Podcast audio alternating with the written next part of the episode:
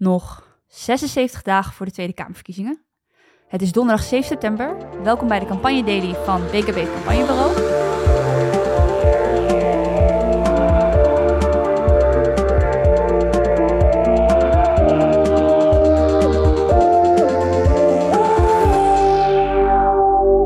Mijn naam is Lin Vu, uh, campagnestratege BKB en een van de hosts van deze podcast.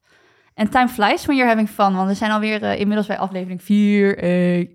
En uh, voordat we echt uh, van start gaan, wil ik nog een shout-out geven aan een aantal mensen die ons waardevolle feedback hebben gegeven. Dus even snel shout-out naar Arno Vermeer, Daniel Paal, Paalberg, Amina Hassan Shaikali en collega Jasmine Abiat. Dank daarvoor en blijf het vooral doen, lieve luisteraars. wij leren daar ontzettend veel van. En hopelijk worden we alleen maar beter. Uh, doe dat via Campagne Daily op Insta of via campagnedaily.bkb.nl. Vandaag word ik vergezeld door maar liefst twee BKB'ers. Uh, de inhoudgehalte is weer erg hoog. Uh, Bram Veste, een van de partners van BKB. en doet onder andere veel onderzoek naar campagnestrategieën. Um, speelt onderzoek een grote rol in een campagne volgens jou? Ja, ik denk, uh, en dankjewel Lin trouwens dat ik hier te gast mag zijn. Ik denk dat onderzoek heel belangrijk is voor een goede campagne, omdat je daarmee beslissingen kan maken die eigenlijk gebaseerd zijn op iets. Dus dat je niet het zomaar uit de lucht plukt, maar echt beslissingen kan maken op basis van waarheden, van feiten. Ehm, dat doen wij dus ook veel voor onze campagnes. Uh, super interessant altijd om dat te doen. Ik weet, begin dit jaar deed ik een onderzoek naar de toekomst van ouderenzorg en hoe mensen denken over hun oude dag. En daar vragen we ook altijd een aantal uh, vragen over hoe mensen vinden dat het gaat in de samenleving in Nederland. En daar zagen we toen al de contouren eigenlijk van de grote overwinning van BBB. Dat was toen in februari voor de provinciale statenverkiezingen. En je zag al de grote ontevredenheid die mensen hadden met hoe het land op dat moment bestuurd wordt en hoe Nederland zich ontwikkelde. Dus daar tekende zich echt al wat af, wat ook bevestigd werd met de uitslag waarin BBB de grote winnaar werd van die verkiezingen. Want hoe kop je dat aan BKB, BBB? Eh, Waren ze een duidelijke proteststem voor een groot deel van burgers? Ik denk wel dat zij, uh, zij kanaliseerden wel een soort ontevredenheid die mensen hadden over hoe het gaat en ging in Nederland. En zeiden eigenlijk, als jullie willen dat het echt anders gaat in Den Haag, de Eerste Kamer, maar ook in de provinciën, stem dan op ons. En die ontevredenheid was er dus in grote getalen. Duidelijk. En ik zit hier met Joost Vermeer, tekstschrijver bij BKB en politicoloog. Joost, wat viel jou het meest op eh, aan de recent verschenen verkiezingsprogramma's? Um, ja, ik uh, ben als tekstschrijver altijd bezig met boodschappen schrijven en kijken uh, hoe je die op de juiste manier bij de juiste doelgroep kijkt. En zo ben ik ook met die bril ben ik eens even door een paar partijprogramma's alvast heen gegaan. en het viel me op, één, de VVD die ineens een persoonlijke boodschap erin zette. en nu quote ik, Daardoor heeft een meisje van acht jaar oud dat vandaag als vluchteling aankomt in Nederland geen redelijke kans om later uit te groeien tot ingenieur, verpleegkundige, politievrouw of minister en VVD-leider. Terwijl dat is wat we zouden moeten willen over uh, het uh, immigratiebeleid, migratiebeleid. Uh, en dat is en een referentie, een referentie naar uh, Dylan Jezielgus. Um, dat is op zich een mooi voorbeeld van hoe je een persoonlijke verhaal in je verkiezingsprogramma krijgt. zoals ik het nog niet eerder had gezien. Uh, en uh, ik keek ook bij de CDA uh, en zag daar ineens een tegenstrijdigheid over softdrugs. ze willen dat illegaal houden, maar ze willen wel de belastingen op softdrugs omhoog doen.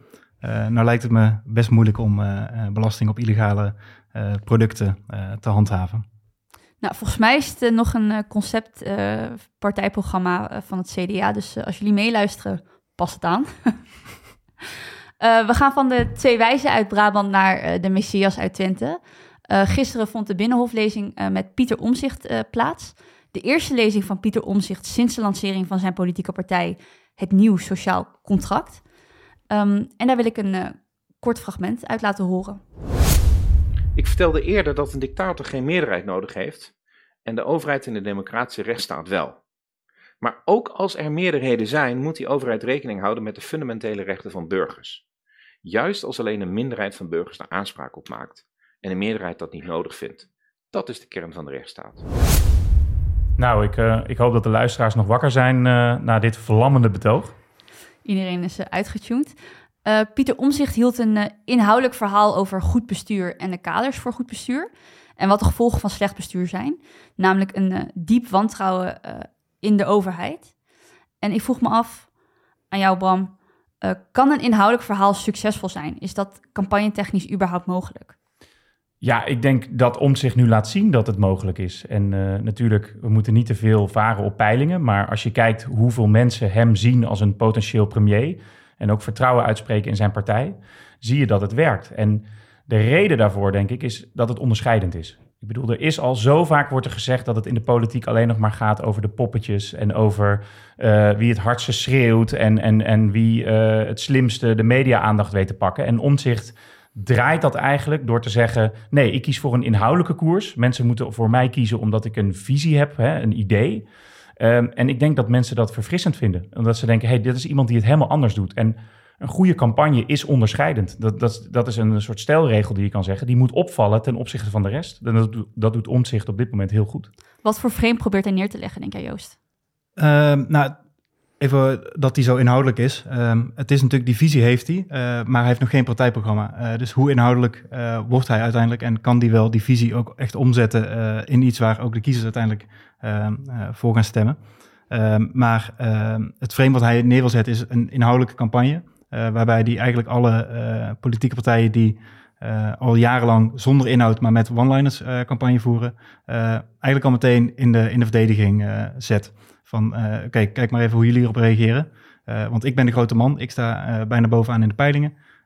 jullie moeten ja, mij volgen, op mij reageren. Bianca had het gisteren al over een horse race, over inderdaad een wedstrijd tussen twee kandidaten. Ja, Zien we hier een in ideeënstrijd versus horse race? Uh, ja, maar ik zou het wel anders willen noemen. Uh, ik denk dat een ideeënstrijd uh, versus tweestrijd um, logischer is en makkelijk, makkelijk te begrijpen voor een iets breder publiek. Dus laat het een tweestrijd noemen. Je bent duidelijk de tekstschrijver bij, bij BKB. Um, ehm, Omtzigt had het niet alleen over die kaders en het inhoudelijke verhaal en de grondbeginselen van onze, onze rechtsstaat. Hij had namelijk ook heel, hij keek ook naar zichzelf als Kamerlid en had daar ook een suggestie voor ook aan andere Kamerleden. Um, ik wil jullie kort een fragment laten uh, horen over wat hij, uh, hoe hij denkt over debatten. Dit is niet mogelijk met een lange serie debatten, waarin zes of acht of tien lijsttrekkers op alle thema's allemaal 20 seconden mogen zeggen wat ze ervan vinden. Want dan gaan we in one-liners spreken. En als er iets niet nodig is in de verkiezingscampagne, is te kijken wie de meest snedige one-liner heeft. Daarmee lossen we problemen in dit land niet op duidelijke woorden, een heel nieuw idee voor hoe we uh, debatten moeten gaan uh, voeren. Bram, wat vind jij van Pieter Omzicht's idee over diepgaande debatten?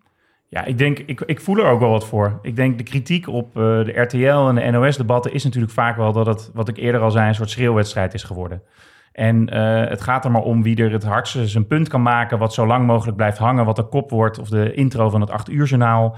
En voor de rest zit er eigenlijk helemaal geen inhoud achter om te bepalen van, ja, kan dit eigenlijk wel? Of uh, als je dit doorrekent, klopt het economisch of financieel dan wel? Um, die inhoud erachter gaat helemaal verloren eigenlijk. En, en ik denk het pleidooi van omzicht is van laten we het nou wel over die inhoud hebben. Uh, want dan kunnen mensen daar echt een keuze op maken of iets ook kan of gaat werken bijvoorbeeld. Hoe denk jij daarover Joost? Nou, het is sowieso een goed idee om het in de campagne ook over de inhoud te hebben. Uh, maar uiteindelijk trek je de aandacht van de kiezers uh, ook wel met one-liners. Uh, en um, zeker als je een brede groep kiezers wil aanspreken die niet allemaal, zoals deze onze luisteraars, nu al tien minuten naar een, een, podcast aan het luisteren zijn over de campagne die pas net is begonnen en nog 2,5 maand gaat duren. Ehm, dus dan heb je die one-liners nodig om uiteindelijk de campagne te winnen. Uh, want hij zegt wel, one-liners, daar uh, los je geen problemen mee op. Uh, maar dan win je wel verkiezingen mee en dan kun je problemen gaan oplossen. Dus het zit er ook wel een beetje tussenin. en um, ja, eigenlijk is het ook Pieter Omtzigt zijn eigen one-liner om het over de inhoud te hebben. Dus volgens mij praat hij alsnog een beetje in one-liners. Ja, ja zijn one-liner is eigenlijk om het niet over one-liners te hebben. en, en, en daarmee, ja, ook daarmee onderscheidt hij zich natuurlijk weer. Dus hij zet zich weer apart van de rest. En dat vind ik zo interessant in wat er nu aan het gebeuren is.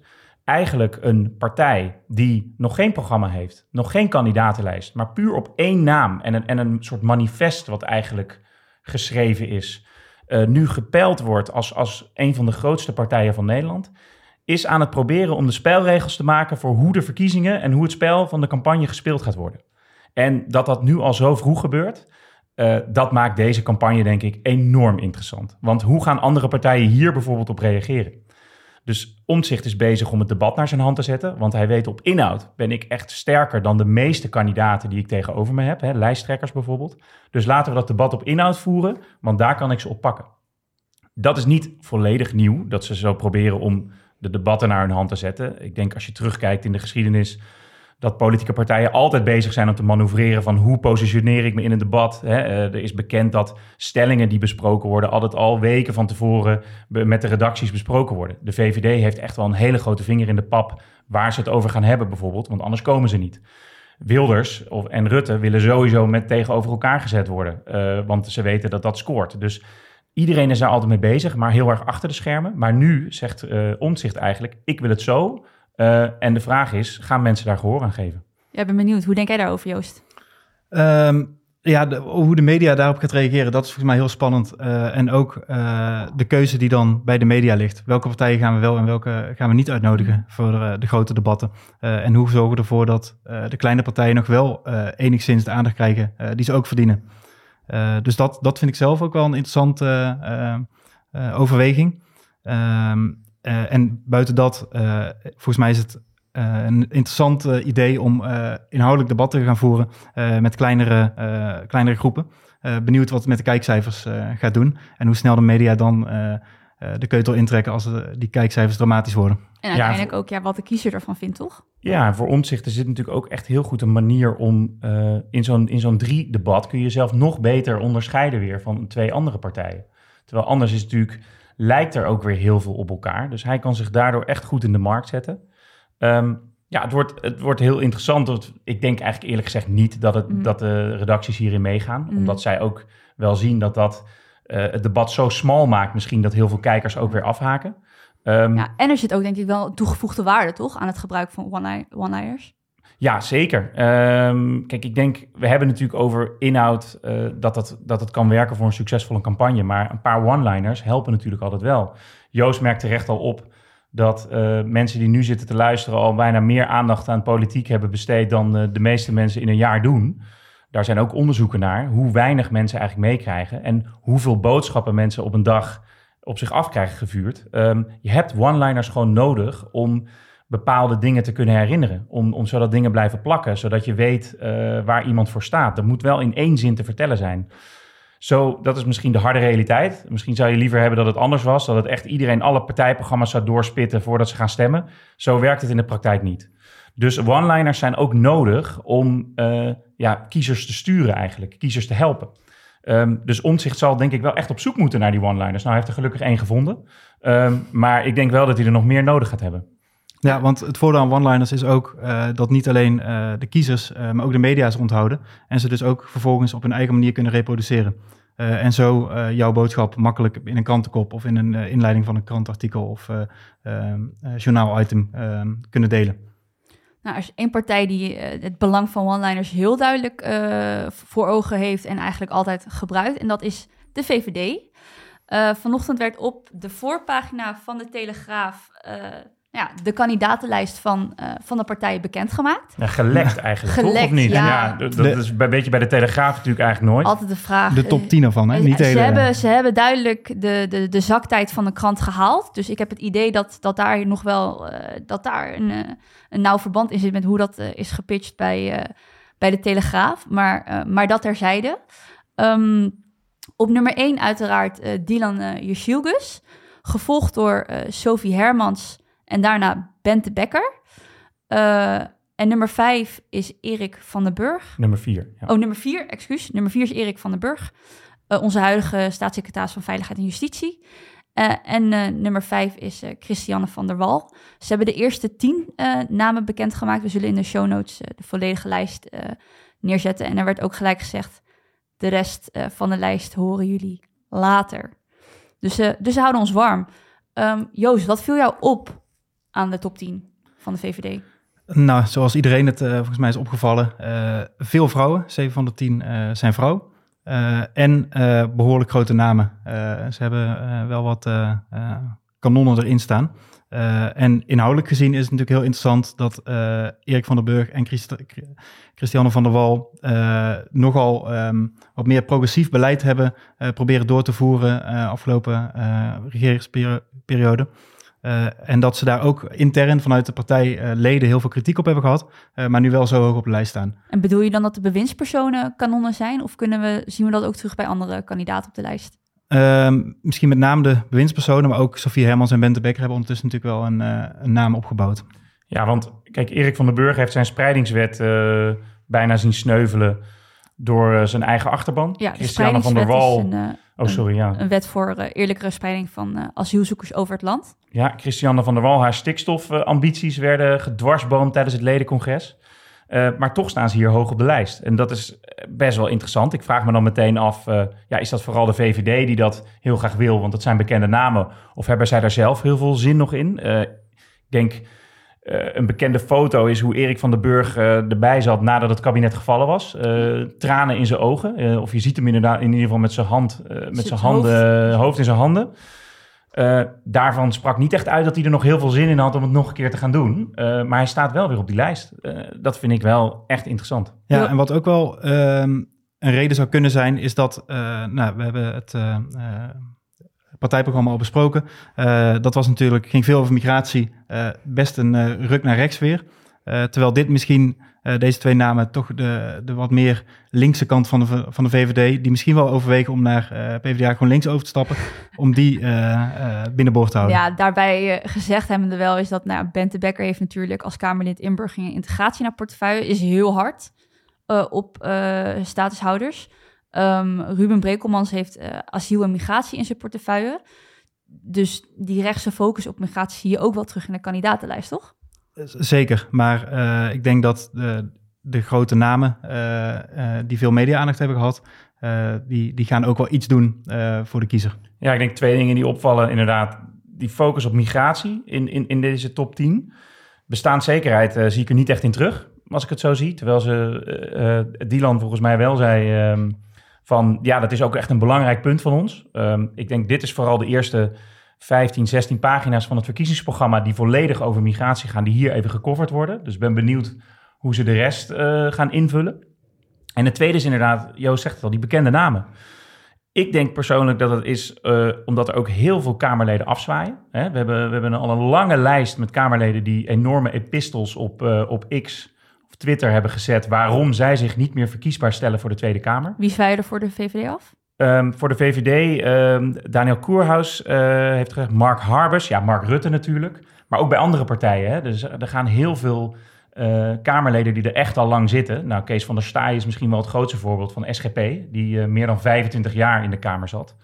Um, en dat zij denken, nou, als mensen, als er zoveel bekende namen weg zijn, kunnen wij misschien wel met bekende namen scoren. Want mensen zien bij ons gewoon de oude vertrouwde namen op de lijst denken, hey, die ken ik of die heb ik wel eens gezien, die vind ik, uh, dat vond ik, vond ik nog wel wat.